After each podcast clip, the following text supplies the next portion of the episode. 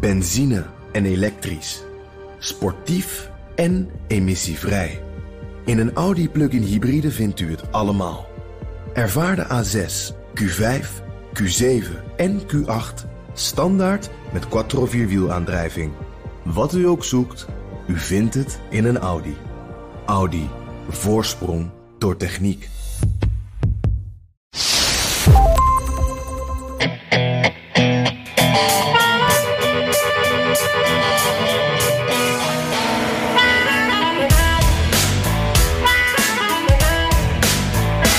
Terwijl de huidige president nog steeds op zoek is naar een grote politieke overwinning, is de vorige presi- president nog altijd overtuigd van zijn overwinning in november. En zijn supporters ook.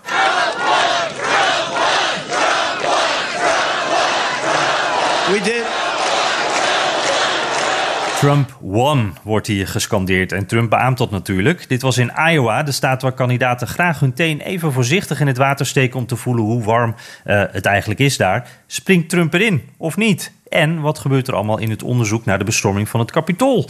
Dit is aflevering 98 van de Amerika-podcast. Ik ben Jan Posma vanuit Washington DC, waar de koffie ook nog lekker heet is. En mijn naam is Bernard Hammelburg. Ook met hete koffie in een, een prachtig boerenbond bekertje. Jan, wat ik daar speciaal voor gebruik als wij zo zitten op te nemen. Ah, het Hollandse gevoel. Hollandse gevoel, ja, ja. Ehm, en ja, eh, eh, eh, dat is het eigenlijk. Dus ik zit hier. heel- We zitten er klaar we zitten, voor. we zitten er klaar voor. Ja, hey, heb jij nog wat, wat meegemaakt? Of, of is jou nog iets opgevallen deze week in het Amerikaanse nieuws? Nou, er is iets. eh, ja, is het Amerikaans nieuws toen ik eh, de afgelopen tijd rondom, vooral rondom, maar ook in New York reed met de auto. Toen viel mij op hoe onvoorstelbaar de files zijn. Ehm, Ah. En dat heeft ermee te maken dat natuurlijk eh, ja, de coronamaatregelen langzaam worden opgeheven. En heel veel mensen dan de voorkeur geven aan de auto boven het openbaar vervoer. En nu, eh, Jan, dat zul je wel licht hebben gehoord, doet dat verschijnsel zich echt bovenmatig ook voor in Nederland. Er was, wij, ne- wij nemen dit op op, eh, op, op, op dinsdag. En op dinsdagochtend was eh, met iets van 750 kilometer... het was de, de drukste filedag sinds corona. Fileochtend. Ja. Ehm, dus dat, dat- ja, dan kun je zeggen, is dat nieuws? Ja, dat is heel groot nieuws. Want ik sprak toevallig eh, een relatie en die moest van Dordrecht naar Hilversum. En die zit dan twee uur, tweeënhalf of bijna drie uur achter het stuur. Dus, Ja. dat, dus dat, ik vind dat nieuws. Ehm, en Ja. dat, dat heeft ja, het is een beetje, het is goed nieuws, want we gaan weer wat terug naar het normaal, maar het is ook wel slecht nieuws. Hè? Want ik, ik was wel een beetje gewend aan wat rustigere wegen en dat je niet meer rekening hoeft te houden met files. Zeker. En, en het vertelt ook heel veel over de, de klimaatdoelen en allemaal dingen die spelen. Mm. Dus eh, daar, daar hebben we natuurlijk ook allemaal zorgen over. En als je dit, dit zo in één keer ziet gebeuren, bam! Dan denk je, nou, dat, dat, dat zet ons weer een eindje terug. Natuurlijk allemaal oppervlakkig, zo oppervlakkig denken, dat weet ik ook wel. Maar toch, het is me enorm opgevallen. En jij, Jan, wat, wat, Ja. wat maak jij zo al mee in de hoofdstad van de wereld? ja, nou, het is een beetje stilletjes in die hoofdstad eh, op dit moment, moet ik zeggen. Want eh, nou, ja, daar gaan we het zo nog even over hebben. Die politieke strijd vindt zich vooral eh, bi- binnen de achterkamertjes plaats op dit moment. Maar wat jij zegt over dat verkeer, dat is ook wel iets wat ik hier zie. Hier begint het ook weer wat drukker te worden. Maar de meeste mensen zitten nog niet op kantoor. Dus eh, het is vooral in het weekend dat het mij opvalt in ieder geval dat hier weer meer files staan. En ook wel een beetje in het verlengde daarvan. Er was wel een mooi Amerikaans tafereeltje hier afgelopen week. Dat wil ik toch even met je delen. Eh, in mijn straat, dat is zo een beetje rond eh, ja, een beetje de binnenstad van Washington. Eh, daaromheen een beetje, daar zijn fietspaden aangelegd. En nou ja, het verschil is dat er daardoor nog maar één rijbaan is voor auto's. Dat waren er eerst twee. En je kon ook iets ruimer parkeren. Maar nu zitten, er zijn aan beide kanten van de weg zijn fietspaden. De, de ene kant en de andere kant op. En nou ja, is nog maar één rijbaan voor die auto's over. En het is dus eigenlijk de auto die moet plaatsmaken voor de fietser. En, en een fietser die krijgt eh, ook een eigen plekje op de weg met paaltjes eromheen. Dus, dus Amerika verandert op veel plekken. Dat zie je in New York natuurlijk ook veel. Verandert er wel veel voor de fietsers. Daar ben ik heel blij mee. Want we hebben inmiddels echt een soort, soort pad eigenlijk. Bijna helemaal eh, naar de mall toe. Waar je naartoe kan fietsen. En af en toe na een blok dan houdt dat fietspad wel ineens op. Maar daarna is het er dan ineens weer. En, en het wordt steeds wat beter. Ehm, Maar wat ik wel heel vermakelijk daarbij vond, was ook meteen protest. in Nederland zijn we natuurlijk wel gewend dat de fietser een belangrijke plek heeft, maar dat is hier echt nog niet normaal. Um, dat protest kwam van ja, een groepje ook automobilisten eigenlijk, die de fietser uh, maar gevaarlijk vindt. En deze oplossing dus ook gevaarlijk. En bij de lokale supermarkt hier in de straat was dus een klein protestje. Er stonden vier man met bordjes en een spandoek. En uh, het was verder een beetje, een beetje sneu, moet ik zeggen. Maar op dat spandoek stond No Bicycle Highway. En toen dacht ik, wauw, dit is echt de omgekeerde wereld. Hè? Want het is inderdaad bijna een soort fietssnelweg... die we nu naar het centrum kunnen nemen. Een mooi pad, uh, ononderbroken. Uh, maar tegelijkertijd om het nou een bicycle highway te noemen... en zeggen dat dat gevaarlijk is... en dan ondertussen dan wel je auto daar willen houden. En de oude situatie was eigenlijk een beetje een soort autosnelweg. nou, ik moest er erg om lachen. Dat, dat zou in Nederland toch op deze manier niet zo snel nee. gebeuren. En hebben, en, en hebben jullie in Washington ook van die deelfietsen, zoals in New York? Ja, precies. Die hebben we ook. En dat werkt hier echt fantastisch. Ja. En er staat nu ook een, een, tweede, ook, op de, ook in onze staat. We, hebben er nu, we wonen nu tussen twee in. En, en die zie je echt, vooral als die forensen er weer zijn, uh, die worden echt veel gebruikt. Dat is echt een succes. Ja, ja je hebt, uh, in New York werkt het dan net als... Het, die hebben het Franse, het Parijse model gevolgd. Met van die lange rekken. Daar staan die dingen allemaal op een rijtje in. Ja. En dan, dan heb je een, een, een soort van uh, ja, creditcardachtig, uh, pincode, pinkaartachtig ding. En daar kun je hem mee activeren. En als je uh, klaar bent, als je aangekomen bent, dan zet je hem ergens anders in zo'n rek. Zet je hem weer en dan klik je af. Het is wel duur trouwens hoor, zo'n abonnement. Maar er wordt ontzettend veel gebruik van gemaakt. En wat ik maar wil zeggen, in, in New York heb je dus ook fietspaden. Uh, en die lopen dan vooral op de avenues. Dus niet zozeer in de streets, die dwars lopen, want die zijn te klein. Hmm. Maar wel op de avenues, die dus van noord naar zuid lopen. Um, en, maar ik moet zeggen, die zijn bescheiden. Ze zijn niet zo heel breed. Laten we zeggen, misschien een mee, anderhalve meter breed of zo. Hè. Dus het is niet echt, het is geen highway.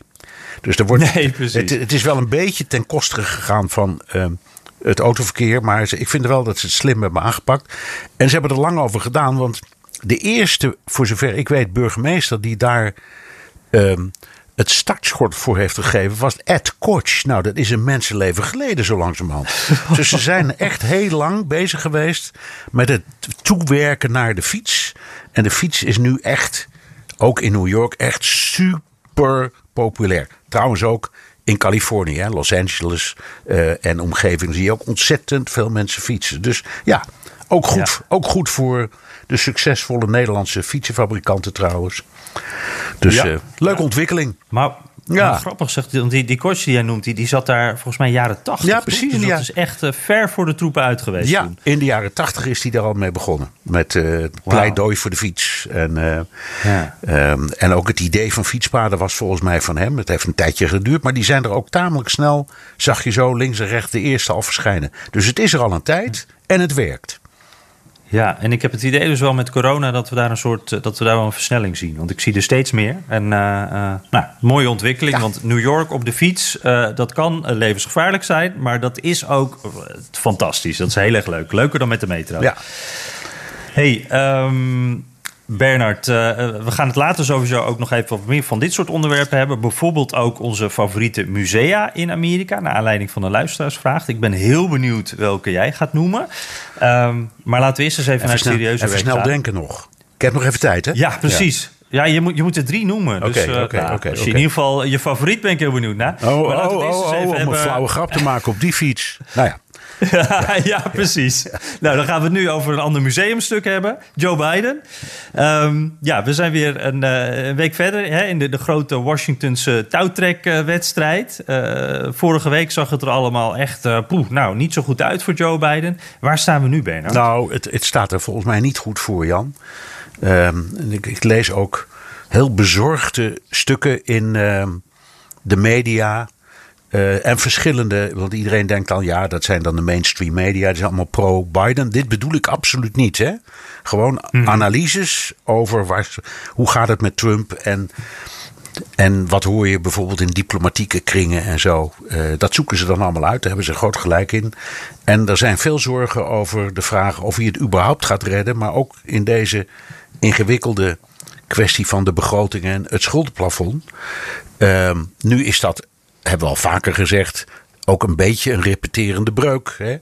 Dat, dat heb je elke keer als, uh, als er meer geld moet worden uitgegeven dan begroot, dan moet dat plafond omhoog. En op zichzelf is dat niet zo vreselijk. En het is ook nu wel gelukt, maar eigenlijk in een tweetrapsraketje. Uh, een tijdje eerst uh, tot, tot oktober. En dan is het nu weer met heel veel moeite verlengd tot december. Maar ja, dat is het alweer bijna. Als je in, in, in, zeker in, in termen van een politiek jaar denkt. Hè, want je krijgt nog een reces en je krijgt allerlei andere dingen. Er spelen natuurlijk ook een heleboel andere gewone praktische kwesties. Um, en um, de vraag is of, of, of Biden de, de macht en de kracht heeft om op te knokken tegen zijn eigen partij, die blijft uh, dwars liggen, maar ook tegen de Republikeinen. En je weet het, nou ja, uh, Mitch McConnell, de leider van de Republikeinen, die, heeft, die weet ook ja, die zit ook lang in het vak. En die weet dat je zonder begroting echt in de grootste moeilijkheden komt. En die slaan ook terug op republikeinse congresleden. Dus dat wil hij dan vermijden. Maar die heeft dan gezegd: Oké, okay, ik teken dan wel weer bij het kruisje dit keer. Maar dit is echt de laatste, dit is de laatste keer. Dus, dus na december dan gaat dat niet vanzelf weer. Maar mag je daar wat over vragen, Bernard? Want die, die McConnell, daar wordt dan ook in sommige analyses van gezegd... zie je, hij heeft toegegeven, hij blinkt. Hij, uh, dit, dit uh, hij doet het nu toch gewoon. Ja. Maar toen dacht ik van, nou ja, tot december. En dit was veel gesteggel. In december krijgen we weer dat gesteggel. Dus dat gesteggel houdt eigenlijk niet op. McConnell heeft ook eerder alles gezegd. Alles wat de Biden-regering doet, dat probeer ik tegen te ja, houden. Dat is mijn werk. Jawel, maar Dit is ook een soort tijdrek-tactiek. Dat, dat is waar. En, en, maar ja, misschien heeft hij wel met zijn ogen geknipperd. Maar laten we even zeggen, ruwweg de helft van het land is republikeins. Hmm. En uh, daar zijn ook mensen bij met AOW. En er zijn ook ambtenaren bij. En ga zo maar door. En die krijgen allemaal geen centen meer als zo'n zo'n shutdown echt doorgaat. Hmm. Dus los van het politieke spel dat uh, hij speelt, McConnell speelt en zijn collega Republikeinen in uh, beide huizen, moet hij ook gewoon denken aan wat de gemiddelde burger, niet, niet politiek denkend, maar de gemiddelde burger mee gaat maken als zoiets gebeurt. En dan telt hij zijn knoop en dan denkt hij ja. Als ik dat spel niet een beetje meespeel of niet af en toe laat zien dat ik ook bereid ben tot een compromis omwille van de voortgang van de samenleving, ja, dan krijg ik die mensen, dan krijg ik uiteindelijk, leid ik ook schade. En, en, en iedereen die, die de politieke geschiedenis bekijkt, die kijkt naar de periode Clinton. Toen deed zich hetzelfde voor uh, met de Republikeinse uh, partij. Uh, die, heeft toen, die is er toen in geslaagd om echt de maatschappij een tijd lang stil te leggen. Um, en dat, dat vonden ze toen een geweldige overwinning. Hè? De, de, Republikeinen die hadden toen een campagne die mhm. heette Contract with America. En dat kwam erop neer, we, we moeten stoppen met belastingen en belastingverhogingen. En dat betekent dat we ook maar de uiterste consequentie moeten trekken. En uiteindelijk is dat de, de, de Republikeinen bij de herverkiezing van Clinton opgebroken. En, ehm, en McConnell was toen ook al in het congres. Die heeft dat allemaal meegemaakt.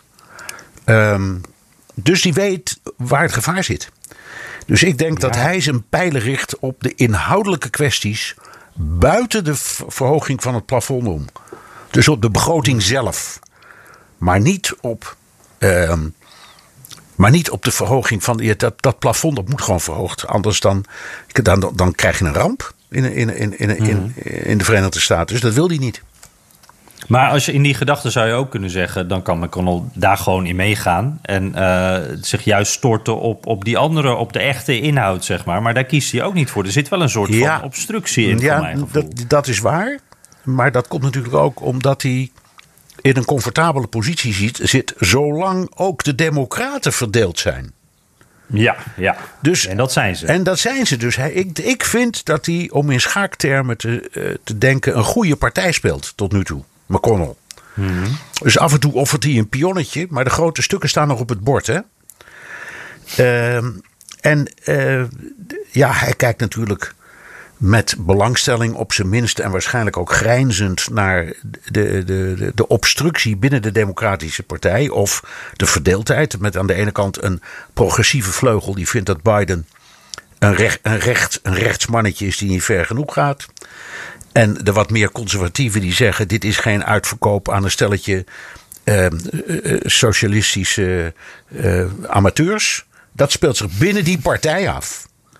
Mm en dan krijg je de discussie over de inhoud. Gaat het nou alleen maar over bruggen en wegen? Of gaat het ook over structurele hulp aan arme gezinnen? En over structureel gratis medicijnen? En uh, structureel gratis onderwijs voor armere gezinnen. Dat zijn mega-stappen. Uh, dat zit allemaal in het plan van die 3500 miljard van uh, Biden. Uh, maar daar is dus binnen zijn partij ruzie over. Dus als ik McConnell was, dan zou ik ook af en toe een pionnetje offeren en voor de rest kijken wanneer ik een paard of een loper kan slaan. Toch? Ja, precies. Ja. Laat ze eerst onderling maar eens laat Precies, precies. Laat ze maar, uh, uh, laat ze maar uh, uitvechten. Nou ja, Ik, ik, ik, ik, ben, ik, ik ben er dus somber over. Ook door wat ik lees in de kranten. We hebben elkaar de afgelopen dagen ook, ook nog stukjes toegestuurd. Politico had een heel bitter stuk. De Washington Post, de Wall Street Journal zijn allemaal een beetje aan het somberen. Wat, hoe zie jij het? Zie jij, zie jij vooruitgang of achteruitgang? Ja, nee, ik, ik ben het met je eens. Ik, ik, uh, stilstand, en dat is in dit geval achteruitgang, want die, die, die klok die tikt ook door. Uh, en, en, en om even in het verlengde van wat jij zegt, ik, ik zag een wat, wat, nou ja, triomfantelijk tweetje van Biden, of van de mensen achter zijn account in ieder geval deze week, waarin ze zeiden van, oh kijk, er is weer een... Uh, opiniepeiling waaruit blijkt dat eigenlijk de, de, de, grote meerderheid van de Amerikanen staat achter onze plannen. Uh, maar toen zat ik wat te kijken naar die opiniepeilingen en naar andere peilingen. En toen zag ik dat inderdaad, dat klopt. Maar het, het overgrote deel van de Amerikanen heeft geen idee wat er in die plannen staat. Uh, de, dus ze steunen wel plannen, zijn plannen in grote lijnen. Maar eigenlijk over de inhoud hebben we het ook bijna niet. Omdat het alleen maar over die bedragen gaat. Uh, en, en over de procedure, over de ruzie. En dat. Dat lijkt me ook niet goed uh, ja. voor Biden. Want die wil natuurlijk uiteindelijk. Uh, ja, de, je moet het hebben over de dingen die je voor elkaar gaat krijgen. Waar het over dat voor die mensen uh, die thuis zitten. Um, en nou ja, goed, over die onderhandeling. Ja, ik heb het, inderdaad het idee. We, we, we blijven in die procedures hangen. het gedoe. En, en, als optimist kan je zeggen. Nou, binnen de Democratische Partij hebben beide kanten nu wel hun kaarten op tafel ge gelegd. We, we, zijn door een deadline gegaan. Er worden bedragen genoemd. Ze kunnen naar elkaar toe gaan werken. Um, maar tegelijkertijd, uh, die verschillen die blijven. En, en ik, ik, ik blijf heel sceptisch hoor. Ja. Het, uh, het schiet niet op. Nee, en uh, je had het over peiling. ik las ook die andere peiling waaruit blijkt dat Trump en Biden nu in populariteit of gebrek daaraan gelijk staan. Oh, die had ik nog niet eens gezien. Ja, helemaal gelijk. Ja, ah. helemaal gelijk. En ehm, dat wordt ook gemeten aan de hand van dit soort factoren het gerommel ja. in Washington. En um, toch wel het beeld dat heel veel mensen hebben. Hè, en dan halen we het weer even uit het politieke denken. Maar wat heel veel mensen hebben over de oude politiek. Discussie die speelt bijvoorbeeld ook in Nederland bij die kabinetsformatie. Hè. De oude hmm. politiek die gebruikt steeds dezelfde eenheden en, en, en mechanismen. Dat doet, dat doet Biden nu ook. En misschien dat hij het wel goed bedoelt, wat blijkt uit die peiling die jij citeerde. Maar hij, hij, hij, ja, dat lukt gewoon niks. En het, het duurt nu zo lang dat we moeten vrezen dat het uh, eigenlijk in de periode tot de volgende verkiezingen, en die zijn over ruim een jaar, niet veel zal hebben opgebracht. En, dan nee. dat, en dat slaat een deuk in de populariteit en de geloofwaardigheid. Want daar komt het natuurlijk ook op neer. Van Biden. En dan krijg je weer wat we in de verkiezingsstrijd steeds zeiden. Dat zie je weer een beetje terugkomen. De theorie van de communicerende vaten. Als, als de een zakt, dan komt de ander vanzelf omhoog. Ja. Um, en aangezien Trump een factor is die niet is verdwenen. Wat de meeste ex-presidenten verdwijnen gewoon na een tijdje, maar hij dus niet. Um, en uh, ja, laten we zeggen dat hij uh, een factor blijft, een politieke factor blijft. Dan zie je dat als Biden zakt, dan gaat Trump omhoog. Ja, precies. En, ehm, en, en een belangrijke factor daarbij is ook natuurlijk uh, corona. Uh, de grote belofte van Biden van nou, dat, dat gaan we oplossen als ik president ben. We gaan het serieus aanpakken. En dat zie je ook overal in peilingen terugkomen. Ja. Mensen zeggen van ja, maar wacht even. dat gebeurt nog niet. Dat heeft ook weer economische gevolgen. En ook daarin blijven we dus enorm hangen. En, en corona is echt een belangrijk onderwerp. Ja, ik geloof ook, geloof ook dat dat stuk in Politico dat, dat thema had. Hè? Dat uiteindelijk mhm. corona eh, Bidens grootste vijand is. Ja, precies. Nou ja, en, en jij noemde die, die andere man al, uh, die eigenlijk nooit eh, weg is geweest, maar toch weer eventjes terug was tegelijkertijd. Want Trump die stond weer op het podium dit weekend in Iowa. een grote groep fanatieke supporters waren daarbij. En uh, ja, in die toespraak zelf, daar zat eigenlijk niets nieuws. Het was allemaal dingen die we wel kenden. Hij, hij flirte natuurlijk met, met uh, dat hij kandidaat gaat worden in 2024, waarschijnlijk. Maar goed, we weten het niet. Uh, het ging natuurlijk ook over de big lie, hè, de, de vermeende fraude. Um, en ik, ik, kreeg daar wel veel enthousiaste of juist teleurgestelde berichtjes over van, van, luisteraars die zeiden van ja, zie je wel, Trump gaat het doen. en de een schrikte daarvan en de ander is dolblij. En ja, ik blijf zelf toch wel twijfelen, moet ik eerlijk zeggen. Want bij Trump weet je het nooit. Hè. Die publiciteit heeft hij ook nodig. Eh, de machine draaiende houden, dat is ook goed voor hem. Blijft ook geld binnenkomen, blijft hij relevant en belangrijk. Dus ik weet nog niet of hij het gaat doen. Ik denk wel dat hij het graag wil. Hij ruikt ook bloed uh, vanwege de dingen die we net omschreven. Hè? Nu, nu zo in de problemen zit. Uh, maar ik, ik, wacht nog even af voordat ik mijn geld uh, op ja of nee zet. Hoe, hoe, kijk jij daarnaar? Ja, um, ik weet het ook niet, Jan, natuurlijk. Maar uh, jij en ik zelf en onze luisteraar verwacht toch dat we een soort voorspelling doen. Dus laat ik er maar één wagen. Uh, ik denk dat hij wacht tot of de duidelijke peilingen in de komende tussentijdsverkiezingen of tot vlak daarna.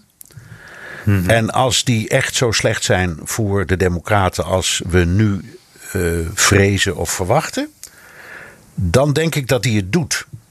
En ik kijk ook even, we hadden het van de week, jij en ik, heel even over een nieuw boek van Fiona Hill. Dat was uh, Trumps Rusland-adviseur. En die heeft een, eigenlijk een, vernietigend boek geschreven over haar vorige baas, over Trump.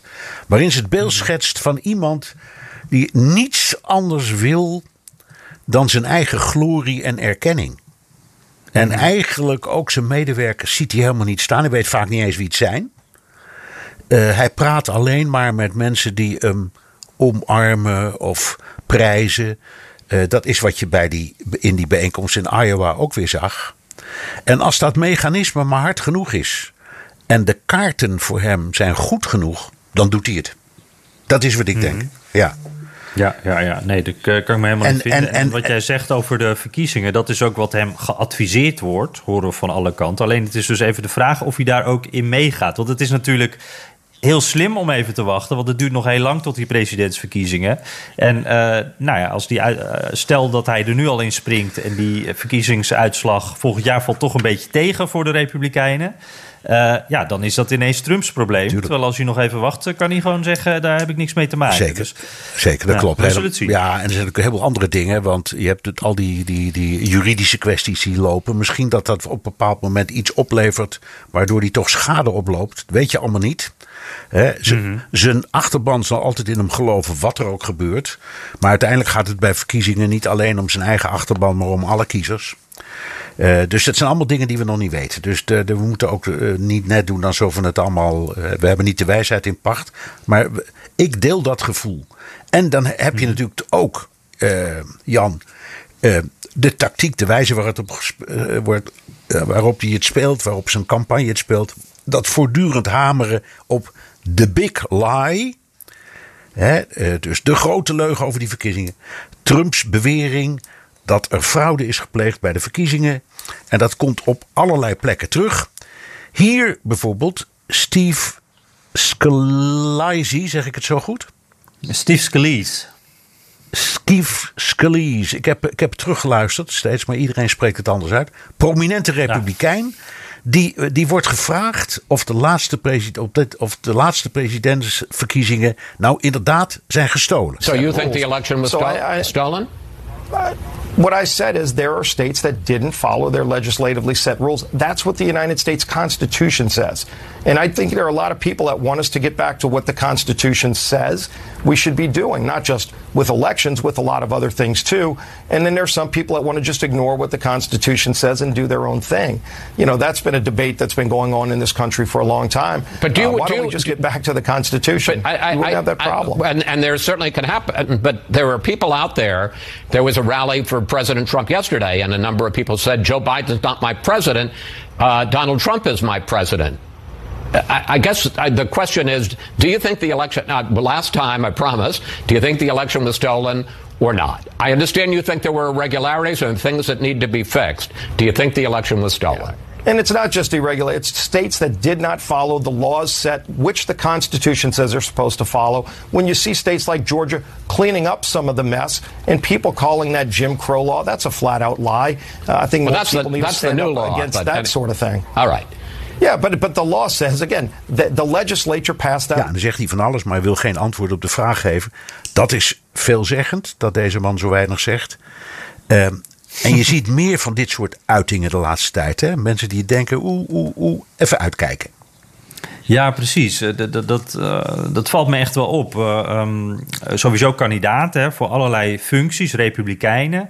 Die, die dan een beetje omvloers zeggen van nou ja, er klopt iets niet. Die willen dan niet letterlijk zeggen van er de, de, de is fraude gepleegd. Dat, zoals Scalise dat ook doet. Hè. Die, die, die zegt wel, nou er is wat aan de hand. Uh, de grondwet is niet nagekomen, maar uh, er wordt letterlijk gevraagd: zeg het dan, zijn ze gestolen? En dan, ja, daar geeft hij dan niet echt antwoord op. Dat zie je veel.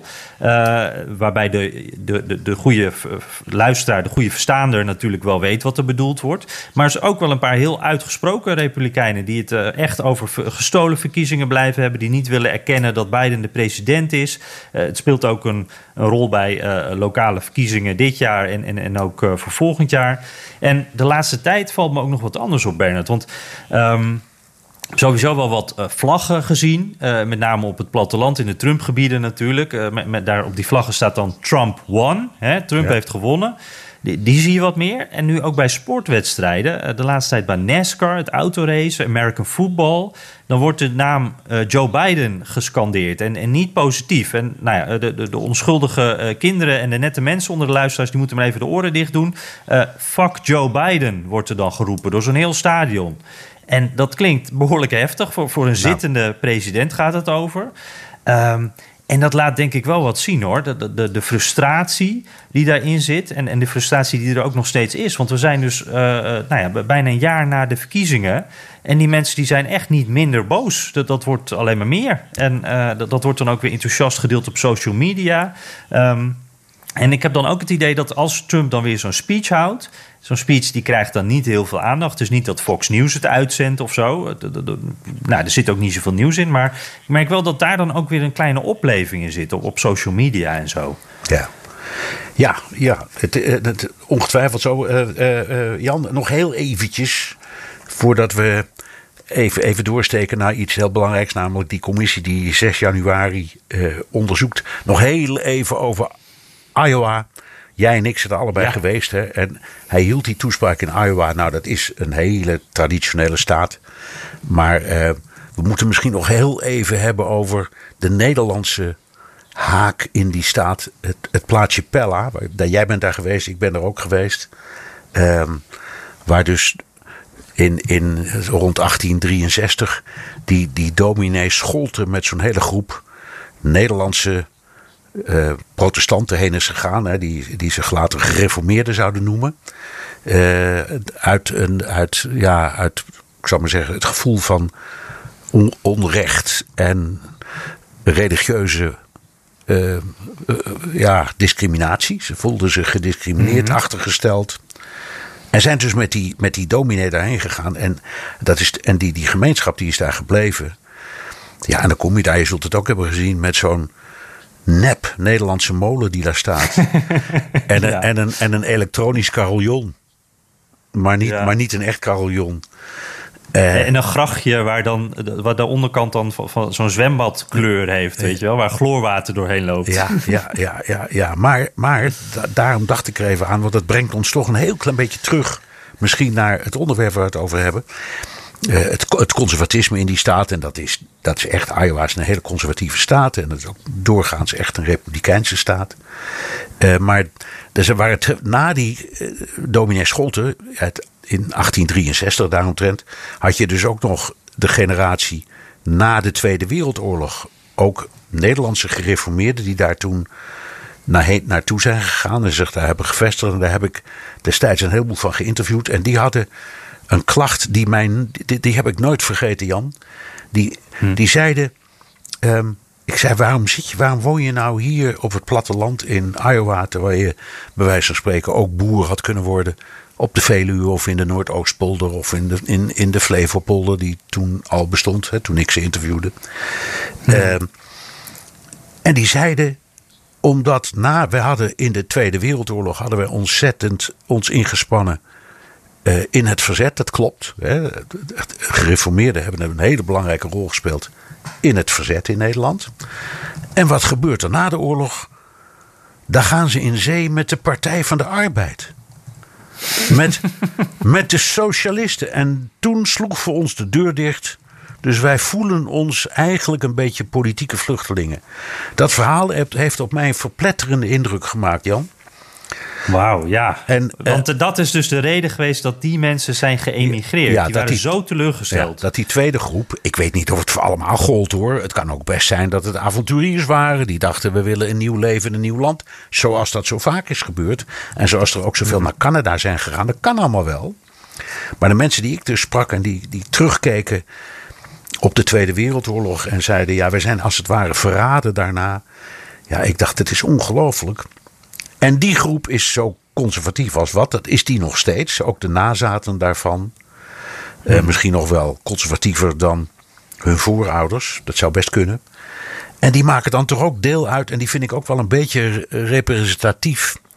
Voor het beeld dat ik van Iowa krijg. Of, of zie ik dat nou verkeerd? Maar als je er doorheen trekt, dan denk je. Ja, veel religieuzer en veel conservatiever kan het eigenlijk niet.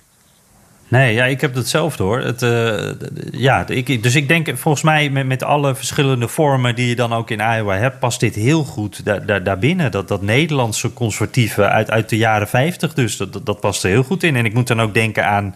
Um, uh, republikeinen die je wel eens hoort van uh, oh, we zijn, uh, dat socialisme, dat moet dit land niet overnemen. Nou, dan moet ik aan jouw verhaal nu denken. Dat, dat is een hele directe link, denk ik, als je dat van huis uit meekrijgt. En als je ouders om die reden Nederland en Europa zijn ontvlucht vanwege het socialisme. En dan dreigt dat nu via de Democraten dit land over te nemen. Zo zien ze dat dan. Ja, dan, dan snap ik wel dat je daar heel fel op en bent. dan raak je zeer gemotiveerd. Dus het is. ja, dat nou, zit dan heel diep nou, natuurlijk. Nou, ja. Jan, Mooi verhaal. Jan, zullen we even praten over, want dat is ook een spannend verhaal hoor. Die, uh, die, die commissie die uh, de bestorming van het kapitool onderzoekt op 6 januari. Ja. Er zijn nogal wat ontwikkelingen. Uh, en er is, er is een hele interessante, juridisch interessante bonje, kun je, je kunt het niet anders noemen, ontstaan. Hm. Tussen Trump en uh, Biden. omdat er, zijn, er liggen in het, in het Witte Huis altijd documenten. En uh, die zijn van de president. Zolang als die president is. Dus er waren documenten in de periode dat zich dit heeft voorgedaan van Trump. Uh, conversaties tussen Trump en medewerkers, adviezen, analyses, noem het allemaal maar zo op.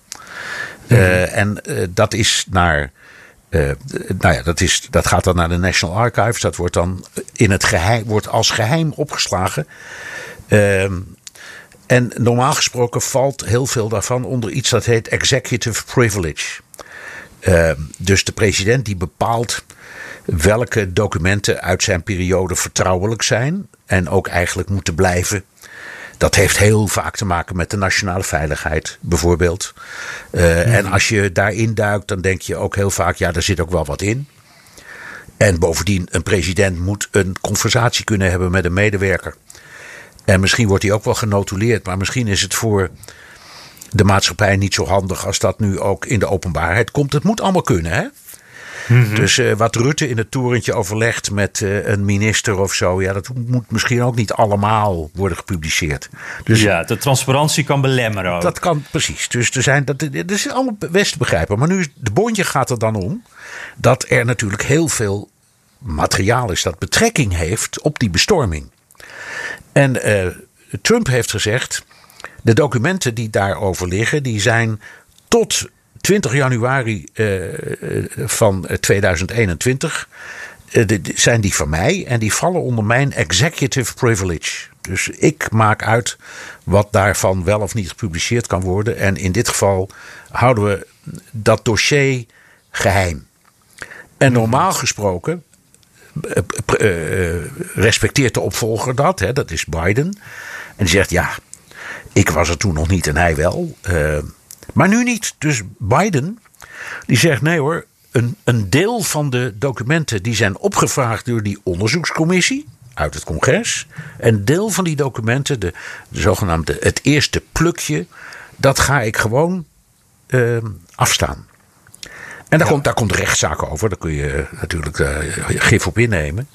Er staat nergens, we hebben het, jij hebt gezocht, ik heb gezocht. Er staat nergens dat executive privilege betekent dat de, de opvolger die dingen van zijn voorganger ook geheim moet houden. Nee, uh, dit is eigenlijk weer zo'n zo'n punt. Hè? Dat, dat hebben we met Trump al vaker gezien. Dat het dan een uitzonderlijke situatie is. En dan kom je dus ook bij dit soort uitzonderlijke beslissingsmomenten uit. Dat je ineens, ja, wordt er dan afgeweken van wat normaal zou zijn eigenlijk. Ja, en, en los, als je even los, eh, losmaakt van de personen. Hè? Dus we kennen Trump niet en die Biden eigenlijk ook niet. En je denkt, ja, er zit een meneer en die heeft het voor het zeggen. En die heeft allerlei dossiers die normaal gesproken onder zijn regie worden opgeslagen. Dit mag in de publiciteit en dat pluk je eigenlijk liever niet. Ja, dat respecteer je dan als opvolger. In dit geval wordt het hele systeem overhoop gegooid. En ik geloof niet, dit is bij mijn weten ook nooit eerder gebeurd op deze manier. Dat een opvolger, dat een opvolger dus zegt: de documenten van mijn voorganger geef ik vrij. Want laten we even een ander een punt wat ons beiden meteen eh, te binnen schoten erbij pakken. Want dit is alles eerder voorgekomen. En, en het eerste waar we allebei naar moesten denken was natuurlijk Nixon en de Nixon-tapes rond zijn impeachment, Watergate en zo.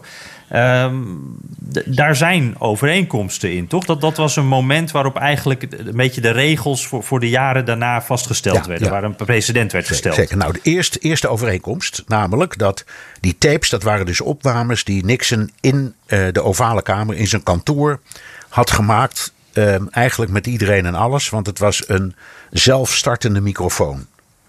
Dus op het moment, Heel handig. Ja, op het moment dat, hij, dat, dat daar werd gepraat, door hem of anderen, dan ging er een bandje meelopen. Het waren letterlijk bandjes. Um, en uh, toen Watergate ging spelen, toen zei de, de aanklager Jaworski, maar ook de, de, de, congrescommissies die zich daarin verdiepten, wij willen die bandjes afluisteren. En toen zei Nixon, nee, die vallen onder executive privilege. Die zijn gewoon voor mij. En hij was niet de eerste die dat had gedaan, want um, Roosevelt had al opnamen gemaakt. Uh, Lyndon Johnson had al opnamen gemaakt. Dat was op zichzelf niet zo uniek als we allemaal vermoeden dat het toen was. En hij zei: Ja, ik maak opnamen. En die zijn om ooit uh, voor de geschiedenis en om ooit mijn memoires te doen of, of over te dragen. Het doet er niet toe. Maar het, ze zijn van mij. En daarover is dan een rechtszaak gevoerd. En die ging naar het, tot aan het Hoge Rechtshof. En het Hoge Rechtshof die zei geen sprake van. Uh, die bandjes die zijn van het volk. Net als het Witte Huis. Is ook van het volk. En de president is eigenlijk ook van het volk. En executive privilege is niet onbeperkt. Dat, zo luidde de uitspraak. Is niet mm. onbeperkt. Dus je kunt, mag het best proberen, maar het wil niet zeggen dat het altijd juridisch plausibel is en toegestaan. En toen moest Nixon die bandjes overhandigen. Nou ja, en je weet, daar ontbrak 18 minuten aan. Ja. Hè, die waren. Of, Daar had de secretaresse eventjes uh, op een verkeerd knopje gedrukt. Ja, dat, de, ja dat, of ze had ze bewust gewist, of op zijn verzoek, mm -hmm. of ze waren weg. Maar goed, dat waren dan de 18 minuten waar het over ging. Maar uiteindelijk, ja, het, het, het, hij had het toch niet overleefd, politiek. Maar dat, die, die, die, die tapes hebben hem de kop gekost. Dus het is een goede vergelijking. Wat niet deugt in de vergelijking is dat Nixon de zittende president was. Dus het was niet een andere president die besliste over zijn bandjes. Hij was gewoon nog president toen dit allemaal gebeurde. En daar wordt het ook wel gevaarlijk, hè? want daarmee wordt het meteen een, een politi- po- dreigt een politiek spelletje. Want het is natuurlijk een democraat die nu iets zegt over eh, de gegevens van een republikein. En in het huidige klimaat is er al over alles ruzie, maar, maar dat wordt natuurlijk een slagveld op deze manier. Ja. Eh, en eh, dit kan dus ook een nieuw precedent scheppen. Eh, dan kunnen straks, eh, eh, dan ga je dit terugkrijgen. En dan gaan van alle kanten zou dit elke keer kunnen gebeuren. Eh, en en dan, dan kom ik wel een beetje terug op, op mijn vorige punt, Bernd. Ik ben benieuwd wat jij daarvan vindt. Want ik vind het een hele moeilijke. Want aan de ene kant denk je van ja, je moet inderdaad, dat gaf Nixon zel- zelf ook aan, van hè, ik, ik moet wel vrij om advies kunnen vragen. Als die, die, die losse gesprekjes ook allemaal opgenomen zijn en openbaar worden ge- gemaakt, vooral openbaar worden gemaakt, ja, dan kan ik eigenlijk niet meer echte gesprekken voeren. Dat, dat belemmert me, dan, dan ligt alles eh, stil. Eh, dat is natuurlijk een heel eh, terecht punt, maar tegelijkertijd heb je dan ook het algemene belang. En ik denk hierbij van ehm, die hele bestorming en alles wat daarmee te maken heeft. Ik wil wel weten wat Trumps rol daarin is geweest. Of daar een eh, letterlijke rol voor hem is geweest. En dan is dat, zou je ook kunnen zeggen, iets wat niet met het presidentschap zelf te maken heeft. Nee, daar heb je gelijk in. Ehm, het was in, in het geval van Nixon was het trouwens ongelooflijk belastend. Want ik weet niet of je wel eens naar die bandjes bent gaan luisteren. Vast wel, want die Ja, zijn... is fantastisch. Ja, maar je hoort dan inderdaad hoe die, ja, de CIA en de FBI tegen elkaar uitspeelden, maar ook inzetten om zijn belangen eh, te behartigen. Ehm, hoe die letterlijk de zaak aan alle kanten bedonderde. Hoe die wel degelijk bleek op de hoogte te zijn van de details van het hele complot. Wat hij voortdurend had ontkend.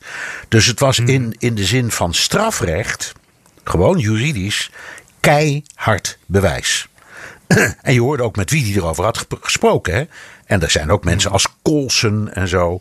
ehm, die zijn ook gewoon in de gevangenis ge- gekomen. Door die gesprekken die op die bandjes stonden. Eh, En die dat in, in, onder Ede ook in, in, bij de hoorzittingen hebben, hebben toegegeven. Eh, dus dit, de vraag is dus, Jan. Als dit, nu in, als dit nu wordt gebruikt, hoe erg is het?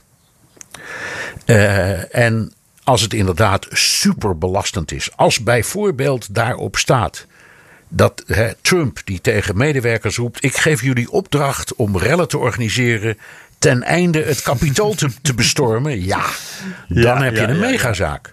En dan heeft niemand het meer over of dit nu wel of niet fatsoenlijk is. Maar ik denk eigenlijk dat dat niet het geval is en dat het allemaal een beetje tegenvalt. En dan heeft Biden een beetje een besluit, een, een, een, een probleem met dit besluit. Ja, ja, dat is interessant, want dat is eigenlijk ook een beetje wat we na het, het Muller-onderzoek hebben gezien. Hè? Dat er eh, hoge verwachtingen waren en dan komt er iets genuanceerds uit. Ja. Eh, waar dan ook beide kanten mee aan de haal gaan. En we weten van Trump, ook van, van voor zijn presidentschap... dit is niet iemand die letterlijk zegt... eh, Nee, ga, ga sla er maar eens op. Ga er eh, maar eens even op slaan. Ja, nee, nee hoor. Precies, dat zegt hij niet. Nee. Dus dat, dat is echt een groot risico dan voor Ja. democraten om hierop in te Dat is, zetten. dat is waar. Maar het risico is natuurlijk wat anderen zeggen. Nou, medewerkers. Hmm. En er zijn al. nog, er zijn nogal wat Trump-prominenten die inmiddels een dagvaarding hebben gekregen. Hè? Steve, Ja. Steve Bannon. eh, die, die bleek in die periode weer advies te geven. Wat ik eigenlijk niet zo, Ja. niet zo wist. Maar nou ja, jij. Nee, klopt. Dus dat verbaasde me. Maar die roep je, je kan maar wat, ik, ik kom gewoon niet. Nou, dan moeten we maar weer zien hoe dat loopt. Eh, Trump zegt tegen iedereen die wordt opgeroepen: alsjeblieft, ga niet. Ehm, en dat, gaat, dat, gaat nog een, dat wordt nog een lastige eh, toestand voor het ministerie van Justitie. Want ja, daar, ja daar, is, daar zijn precedenten en daar is ook jurisprudentie over. Maar als iemand gewoon zegt: ik kom niet. Of, kan Ja. ook nog, hij komt wel.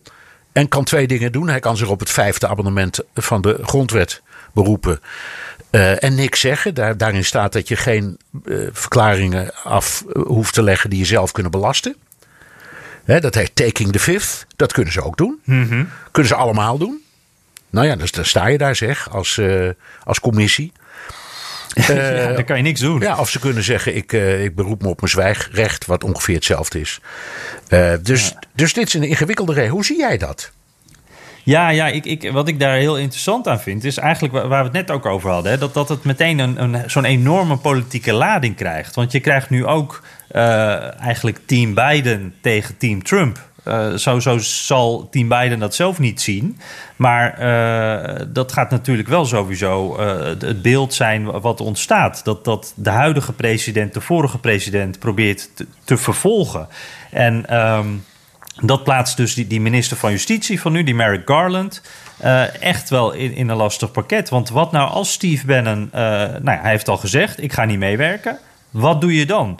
Want dan kan je aan de ene kant uh, als minister zeggen: wij gaan hem onder druk zetten om toch te komen. boetes, je kan hem in de gevangenis gooien, je zou van alles kunnen doen.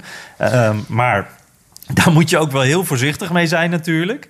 Uh, en uh, aan de andere kant, als je niks doet, dan is zo'n dagvaarding niks meer waard. En, en uh, ja, dan loopt zo'n onderzoek natuurlijk ook vast. Want als Bannon niet komt, dan komt de rest ook niet. En als er geen gevolgen zijn, dat hebben we ook eerder al in onderzoeken richting Trump gezien. Dat, dat, de echt belangrijke mensen er gewoon niet zijn. Nee. maar dit kan echt voor de Democraten ontploffen in hun gezicht. Uh, ook al denk ik dat er echt wel een goede reden is om te onderzoeken wat er nou precies ook vanuit het Witte Huis is gezegd en uh, uh, ja, op wat voor manier de leiding is gegeven in die dag. Want Zeker. Trump die stond s ochtends natuurlijk wel daar een speech te geven op een podium dat door zijn vrienden was neergezet daar, door zijn vrienden betaald. Uh, dat hele programma die dag was erop gericht. Ze hadden uh, al, al, al de maanden daarvoor waren er meerdere evenementen die allemaal gingen over dat ene onderwerp, over die verkiezingen. En we weten dat Trump ook, dat weten we, dat, dat hij ook invloed heeft uitgeoefend of proberen uit te oefenen. op Pence, intern allerlei dingen rond die verkiezingen. Dus we weten dat hij actief is geweest. Maar ja, wat hij hier heeft gedaan en in hoeverre. Nou ja, kijk, ja, het, je wil het weten. Dat is waar. Maar goed, de, het, het zwakste moment voor Trump was in, op die ochtend in die toespraak dat hij zei: uh, laten we allemaal naar het uh, kapitool optrekken. Ja, kom, we gaan we die gaan naar het kapitool en ik ga mee. Hè? Dat was de boodschap en dat Ja, heeft hij volgens niet gedaan. Maar dat is, dat is ik, ik, ik- als ik naar het geheel kijk, ik blijf er twijfels over hebben. Want ook uit die conversaties zal nergens blijken dat iemand op dat niveau, hè, op het niveau van Trump en Steve Bannon en noem ze allemaal maar op, echt tegen elkaar hebben gezegd: jongens, we gaan een rel schoppen. Ik weet zeker dat niemand dat heeft gezegd. Nee, en dat die rel is geschopt en ook is georganiseerd, dat blijkt uit andere documenten. Hè? Wat, wat de mensen die die rellen hebben gevoerd allemaal hebben voorbereid. Daar er zijn inmiddels, wat is het, 600 zaken die er lopen. De, de, grootste, Hmm. de grootste strafzaak die het ministerie van Justitie ooit ter hand heeft gehad. Is niet niks. Maar de- die hebben echt de- eh, geen opdracht gekregen vanuit het Witte Huis. Dus dat, de- ik, ik heb de indruk dat hoe, de- hoe, hoe, ja, zeg, hoe spannend het ook allemaal klinkt. Ik moet nog zien, Jan, dat zelfs als iedereen wel praat en zegt: Oké, ik ga die vragen wel beantwoorden. Zelfs dan, of je er dan zoveel mee wint. Ik, ik vraag het me af. Ja, Ja. Nee, daar ben ik het helemaal mee eens. Want het is eigenlijk een beetje hetzelfde als de, de laatste impeachment tegen Trump ook. Eigenlijk ligt het ook allemaal al op straat. We hebben het allemaal al gezien. Ja. Eh, in het geval van die bestorming. We hebben Trump horen zeggen. Eh, duidelijker dan dat gaat het niet worden, denk ik. Nee, maar, nee. nou maar goed, er is er sprake van een samenzwering. Want eh, waar de president deel van uitmaakt, nou ja, daar gaat het dan om, denk ik, juridisch. Poeh, poeh, poeh. Nou, Nou, Ja. hey, laten we eens even eindigen met een hele gewichtige luisteraarsvraag over dit onderwerp. Eh Niek van der Donk, eh, die, die las het boek eh, Peril van Woodward, Bob Woodward. En nou ja, die, die, die heeft ook veel ge- gevolgd en eigenlijk ook wat wij net besproken hebben, allemaal zo eens bekeken. En hij kijkt vooruit naar 2024 en dan zegt hij, ja, het gevaar dat er in 2020 was en wat, wat er eigenlijk nog steeds is, dat is nog lang niet geweken. Veel staten nemen op dit moment wetten aan om stemmen minder gemakkelijk te maken of om uitslagen te laten overroelen door eh, lokale politici, die dus een politieke kleur hebben. Eh, daarnaast wordt er op cruciale functies voor het verkiezingsproces Trump-adepten verkiesbaar gesteld. En hij noemt dan ook nog Robert Kagan, die doet het allemaal nog eens haarfijn uit de doeken. Eh, ja, dat is een, een columnist van de Washington Post, inmiddels een, neocon, die, die uit de Republikeinse Partij stapte toen Trump die partij eigenlijk een beetje overnam. Ehm, en die schreef een stuk Our Constitutional Crisis is Already Here, waarin eigenlijk eh, die punten nog een keer genoemd worden. Ehm, ja, eh, hij zegt dan, Niek, eh, als ik dit allemaal zo hoor, kom je toch eigenlijk tot de conclusie dat het einde van de Amerikaanse democratie in zicht is. Is dat zo? ja. ehm, Dat is een grote, hè? Dat is een hele grote. Je weet, ik- ben rasoptimist. Dus ik denk, ja, dit is een hele nare periode. En Trump heeft echt geprobeerd om de Amerikaanse democratie, die een, een, een echte eh, liberale democratie was, traditioneel in beide partijen. En zeker in de Republikeinse Partij oorspronkelijk. eh, om, de, om die te veranderen in een soort autocratische democratie. Dus je wordt wel gekozen, maar het democratisch proces is daarna niet meer zo belangrijk. En dat is een gevaarlijke trend. Eh, die zie je niet alleen daar. Dat gebeurt ook in Polen, het gebeurt in Hongarije. Er zijn meer plekken in de wereld waar je die, die verschuiving ziet. Ehm, en dat is niet zoals de Amerikaanse grondwet is bedoeld. Daar ben ik het mee eens. Ehm, alleen, ik, ik, ik behoor niet tot de school die denkt... nou, dan is het voorgoed afgelopen met de Verenigde Staten van Amerika als democratie. Dat geloof ik niet. Ik denk ehm, dat je praat over de helft van de Amerikanen die republikein is. En niet alle republikeinen, kijk naar Robert Kagan, zijn het eens met Trump. Dat is dan, ik, denk, ik denk hoeveel? Eh 70% 60 Dat is wel een groot deel van de bevolking. Maar het is niet zo dat het hele volk nu in één keer zich afwendt van de democratie. Het probleem is dat Biden tot nu toe niet de krachtfiguur is gebleken. Of heeft kunnen zijn, want ik bedoel, wie zijn wij om hem te beschuldigen? Dat hij het heeft kunnen terugdraaien. Dus die klik terug naar die liberale democratie, eh, die is niet gemaakt. Dat is zorgelijk. Nee. Dat vind ik heel zorgelijk. Ja. en zolang dus die, die, die schaduw van Trump boven dit alles hangt, eh, is het voor Biden ook heel moeilijk om die klik te maken. Los van dat hij zelf ook niet eh, ja, de, de belofte helemaal inlost op dit moment natuurlijk. Nee, nee, dat- ik moet, ja. moet wel. Ik moet wel zeggen, ik, ik, want jij zegt je bent een rasoptimist. Ik wil dat ook graag zijn.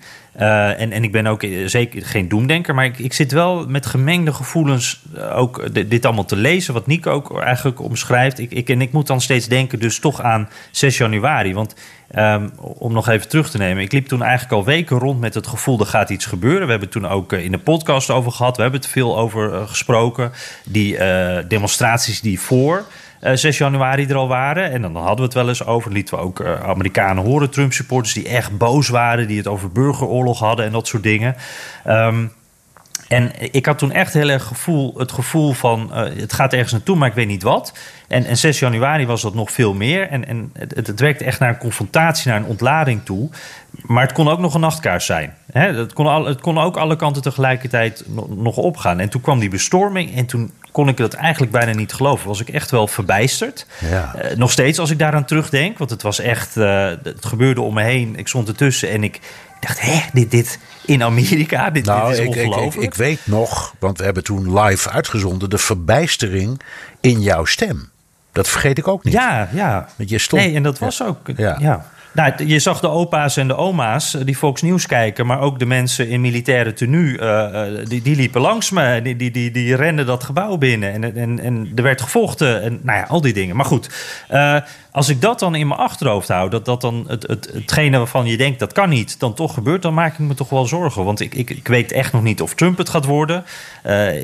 Maar hij bouwt wel op naar een confrontatie, heb ik het gevoel. Ja. En, en dat kan via de stembussen zijn. Dus het kan ook gewoon nog goed lopen. Het kan ook via een andere kandidaat dan hij zelf.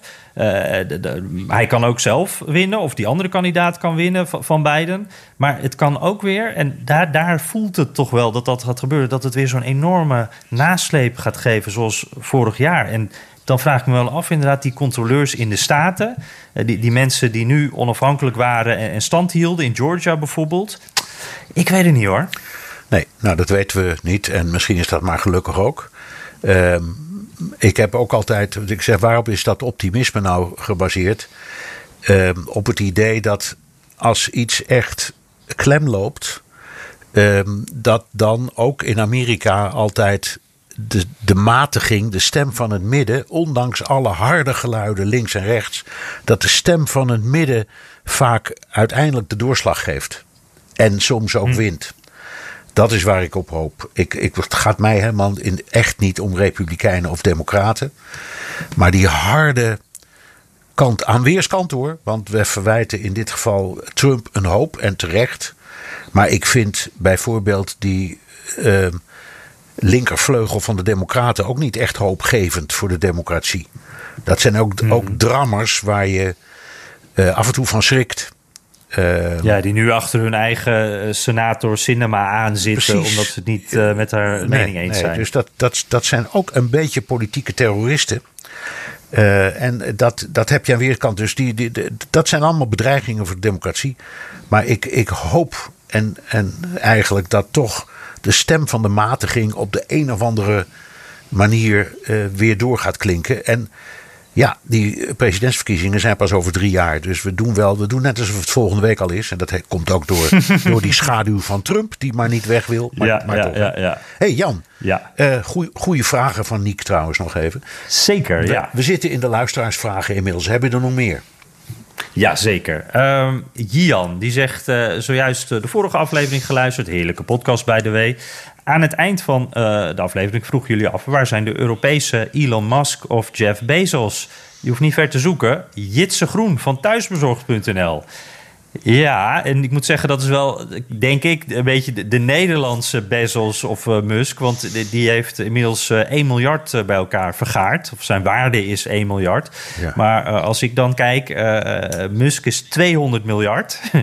Bezos 190. En ook qua invloed, denk ik, van de, de bedrijven die zij hebben... is onze Hollandse trots, Jitse Groen, to, toch nog niet helemaal dat niveau. Nee, en toch, ik maar, en, en, en, maar ik vind toch dat, dat Jan een punt heeft. Uh, begrijp het wel. We zijn ook wel heel bitter. Um, geweest. Bittere mannetjes zijn ja, we we zijn een beetje ja. bitter over, over hoe, hoe, wij achterlopen. Maar dat was uit bezorgdheid. Maar misschien als je rond gaat kijken... vind je in Frankrijk of in Polen of in Italië... ook wel genieën. Ik weet het gewoon niet.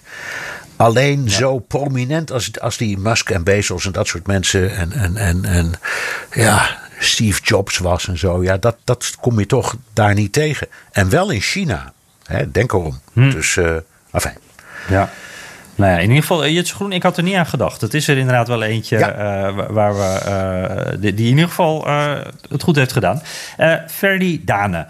Bernard noemde Amerika het machtigste militaire land ter wereld. Ik vraag me af uh, waaruit dat blijkt. Met dan in het achterhoofd dat zij hun laatste oorlog verloren hebben. Uh, ik vraag met een knipoog, alhoewel ik weinig kennis heb van de vermoedelijke nummer 2, China. Ja, hele goede vraag. Uh, Amerika heeft niet alleen de laatste oorlog verloren, maar eigenlijk alle oorlogen sinds de Tweede Wereldoorlog. ja, dus wat ja. dat betreft kun je zeggen, het, het is ongetwijfeld de grootste en sterkste uh, krijgsmacht ter wereld. Maar dat telt niet alleen maar meer. Hè? Het gaat ook om cyber en weet ik wat allemaal. Maar om even in de actualiteit te blijven, die, die, die, die uh, uh, enorme hoeveelheid vluchten die de Chinezen hebben uitgevoerd, bijna duizend afgelopen tijd, boven Taiwan. Hè? Mm -hmm. Uh, dat was om te laten zien dat zij inmiddels ook een echte luchtmacht hebben met bommenwerpers en jachtvliegtuigen. Die misschien niet onderdoen voor de Amerikaanse. Dus hij heeft een punt hoor, uh, Ferdi. Het, ja. het, het, het, is dus, ik, ik haal de knipoog eruit. Het is echt een punt. Ja, ja, ik geloof wel, Amerika geeft nog veel meer, wel iets van drie keer zoveel of misschien wel meer uit uh, aan defensie dan uh, de Chinezen doen. Maar ik moet ook even denken, afgelopen week las ik een interview met een voormalige uh, topman van, van de luchtmacht, de Amerikaanse luchtmacht. Die, die is boos opgestapt, want die zei van ja, eigenlijk als het gaat om artificial intelligence, de dingen van de toekomst, ja, dan zijn wij een soort kleuterklas. Ja. Lopen we zo achter en hebben we de strijd eigenlijk al verloren. Dus we geven wel veel geld uit, maar eigenlijk aan de verkeerde dingen. Ja. En toen dacht ik wel van, oh ja, waar, zo kan het. Wat, wat is de grootste kostenpost van Pentagon, Jan? Poeh, ik heb echt geen idee. Heel simpel, salarissen. Ah, Vroeger heette dat bij soldaten soldij, maar gewoon salarissen. Ja. En ja, daar hebben de Chinezen een voordeel. Want uh, een soldaat in China verdient, ik zal maar zeggen, een klein beetje minder dan een soldaat in Amerika. Ja, ja, ja, ja interessant. Nou, dat komt vast nog wel een keer terug. Ja. In ieder geval interessant onderwerp. En dus inderdaad, uh, die knipoog was niet eens nodig. Anders, uh, die luistert regelmatig als hij van of naar de universiteit gaat. Dat kan weer, gelukkig. Nou ja, dat kan ik me voorstellen. Dat is lekker. Um, hij vraagt zich af: is het Amerikaanse studentenleven te vergelijken met het Nederlandse studentenleven? Of speelt de alcoholleeftijd van 21 voor een niet te vergelijken situatie? En zijn er ook in Amerika veel buitenlandse studenten? Of is dat voor veel buitenlandse studenten niet te betalen? Uh, om met dat laatste te beginnen, zijn heel veel buitenlandse studenten. Uh, en er zijn vooral heel veel studenten van rijke afkomst. Uit China, uit Rusland, uit Oost-Europa, eh, noem maar op. Ehm, als je kijkt in Silicon Valley, als je daar rondloopt, dan zie je ongelooflijk veel in Amerika afgestudeerde Aziaten. Dat is, allemaal, dat is allemaal niet voor niks. Dus dat laatste, nou dat studentenleven, ja, hij heeft een punt hoor. Je bent op 18 jaar eh, volwassen, net als in Nederland.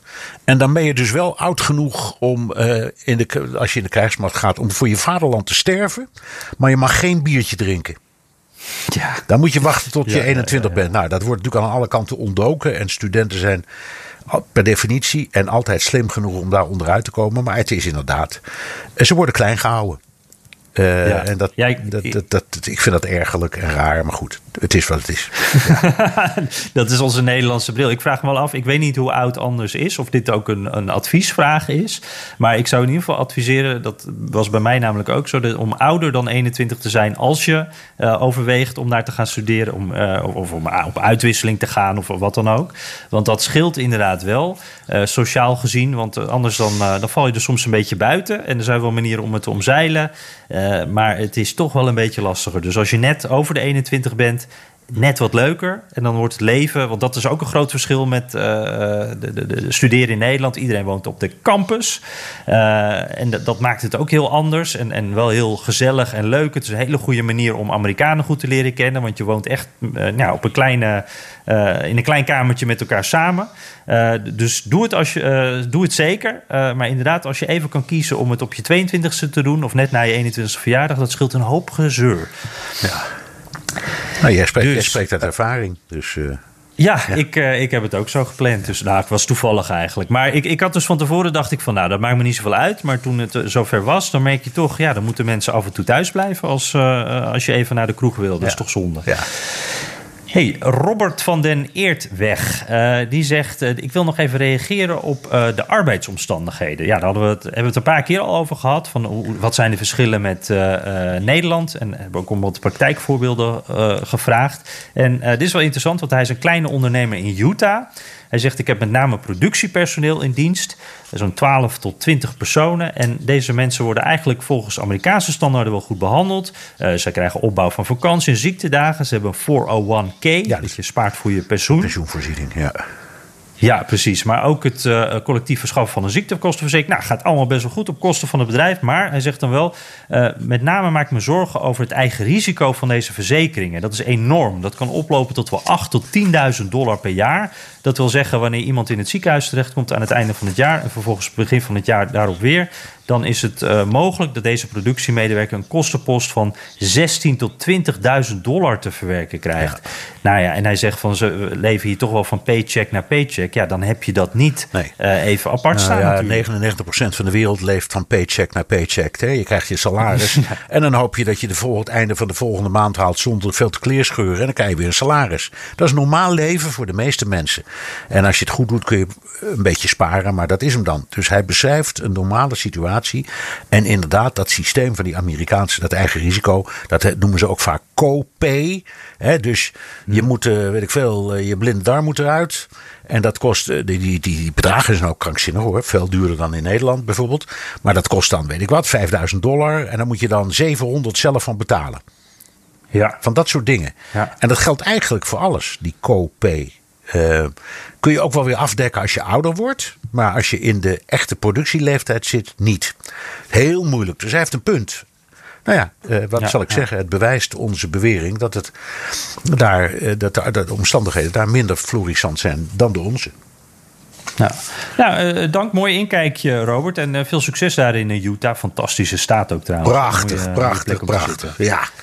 Ja, eh, Maarten Kremers eh, luistert altijd met veel plezier. Eh, is ook vaak in de VS geweest. Fascinerend land, zegt hij. Wanneer ik er ben, probeer ik meestal ook nog lokaal een museum te bezoeken. In Washington vond ik het Holocaust Museum indrukwekkend en het National Air and Space Museum. Tijdens mijn laatste bezoek, nu bijna twee jaar geleden, in New Orleans, ben ik ook naar het WO2 Museum geweest. Heel groot is dat. Dus mijn vraag aan jullie: wat is jullie top drie van musea in de VS, Bernard? Ja, ja, nou ja, aan de opening van de podcast zei je het al, dus ik heb, ik heb een beetje nagedacht. ja. Ehm, ik, ik, ik, ik noem er drie, maar het is echt willekeurig. Want ja, het, krioelt, Ja. het krioelt, zeker bijvoorbeeld bij jou in Washington, echt van de fantastische musea. Laat ik daar één van noemen. Eh, de National Gallery of Art. Gratis. En een tempel van kunst. En eh, mooi gemaakt. Eh, omdat je kunt er voor niks in. Eh, en het is keurig netjes in tweeën gehakt. Het ene deel is eh, oude kunst, het andere moderne kunst. Schilderijen en zo. Met een hele mooie, ja, een soort binnenpatio.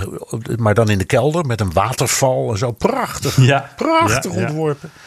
En ja, ik raak daar niet uitgekeken. Ik vind het prachtig. Dus dat is één. En dan heb ik natuurlijk bij mij in New York de Metro- Metropolitan Museum of Art. Dat vind ik eigenlijk eh, misschien wel de grootste tempel van kunst eh, die ik ken. Ja. In, in, want daar heb je alles. Je kan het zo gek niet verzinnen of het, of het is er. En dan noem ik eentje die, die eh, niet zo voor de hand ligt. eh, en dat is de Neue Galerie, ook in New York. Het is een klein museum, eigendom van Ronald Lauder.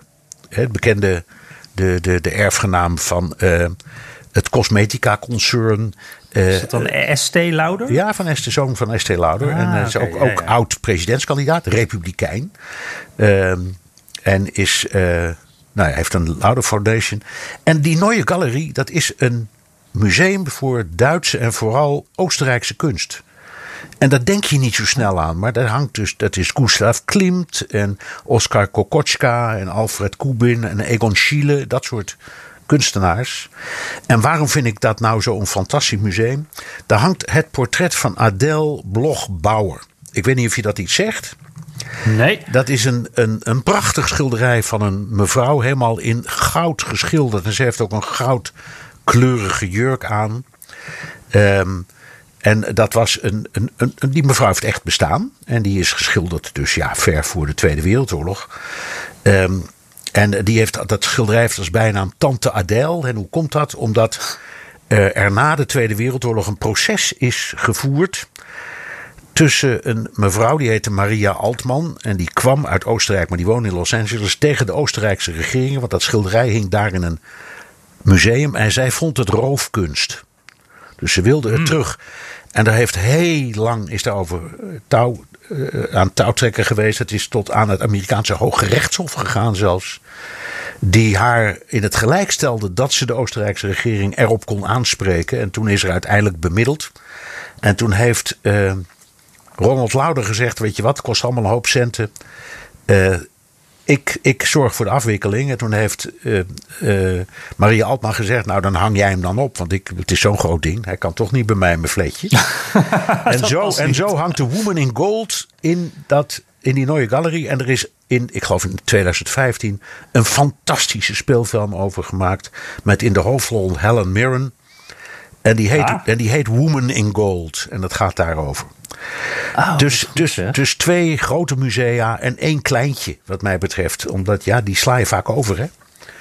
Ja, ik had er nog nooit van gehoord. Ik heb ondertussen uh, Adele Blogbauer even opgezocht. Het is wel inderdaad zo'n iconisch beeld dat je denkt, oh ja, dat ken ik ergens Ja, als je, van. als, je, het, eh, als, je, als je het googelt en je ziet de schilderij, dan denk je: oh ja, dat ken ik, dat heb ik wel eens gezien.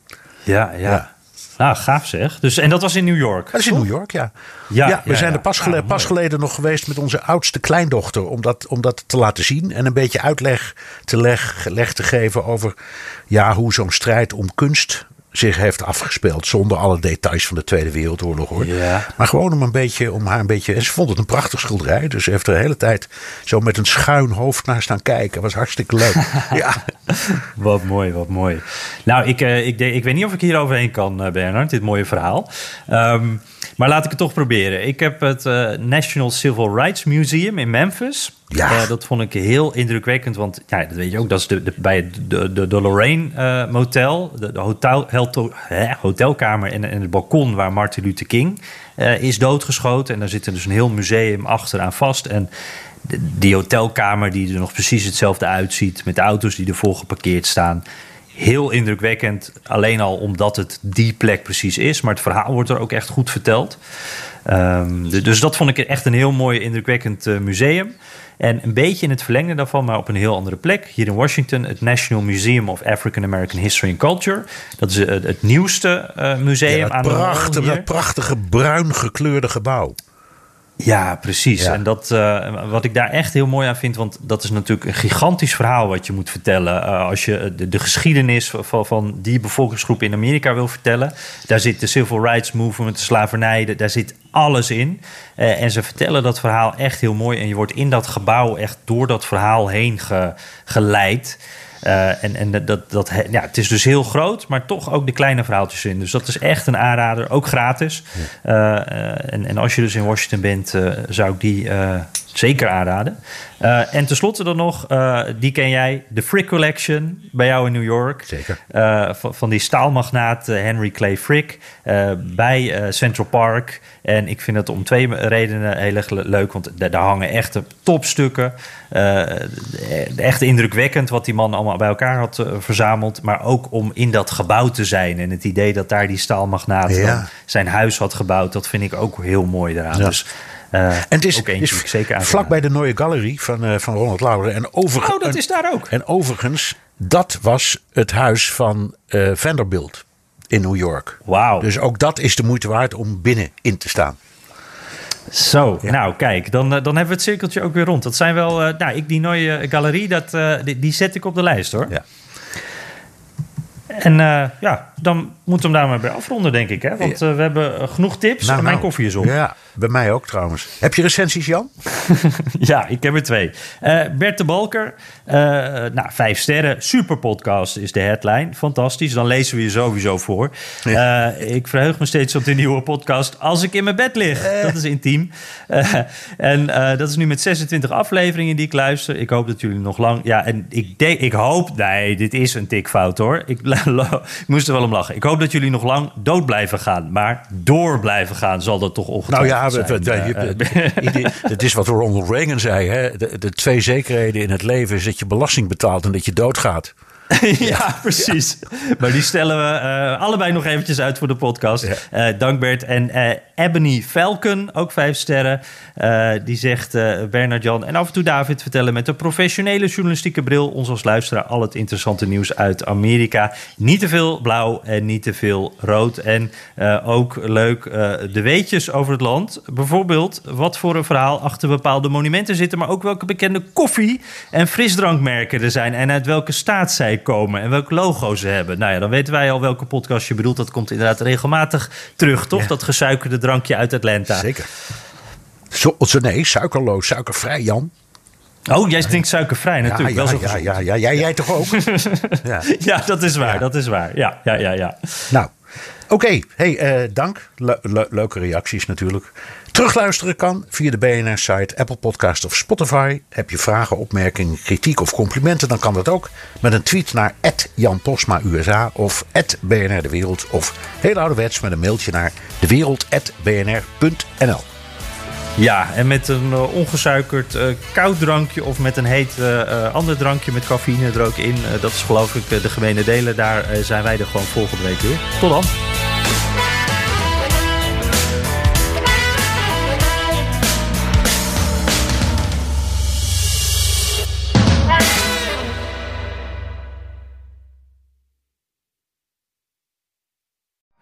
Benzine en elektrisch. Sportief en emissievrij. In een Audi plug-in hybride vindt u het allemaal. Ervaar de A6, Q5, Q7 en Q8 standaard met quattro vierwielaandrijving. Wat u ook zoekt, u vindt het in een Audi. Audi. Voorsprong door techniek.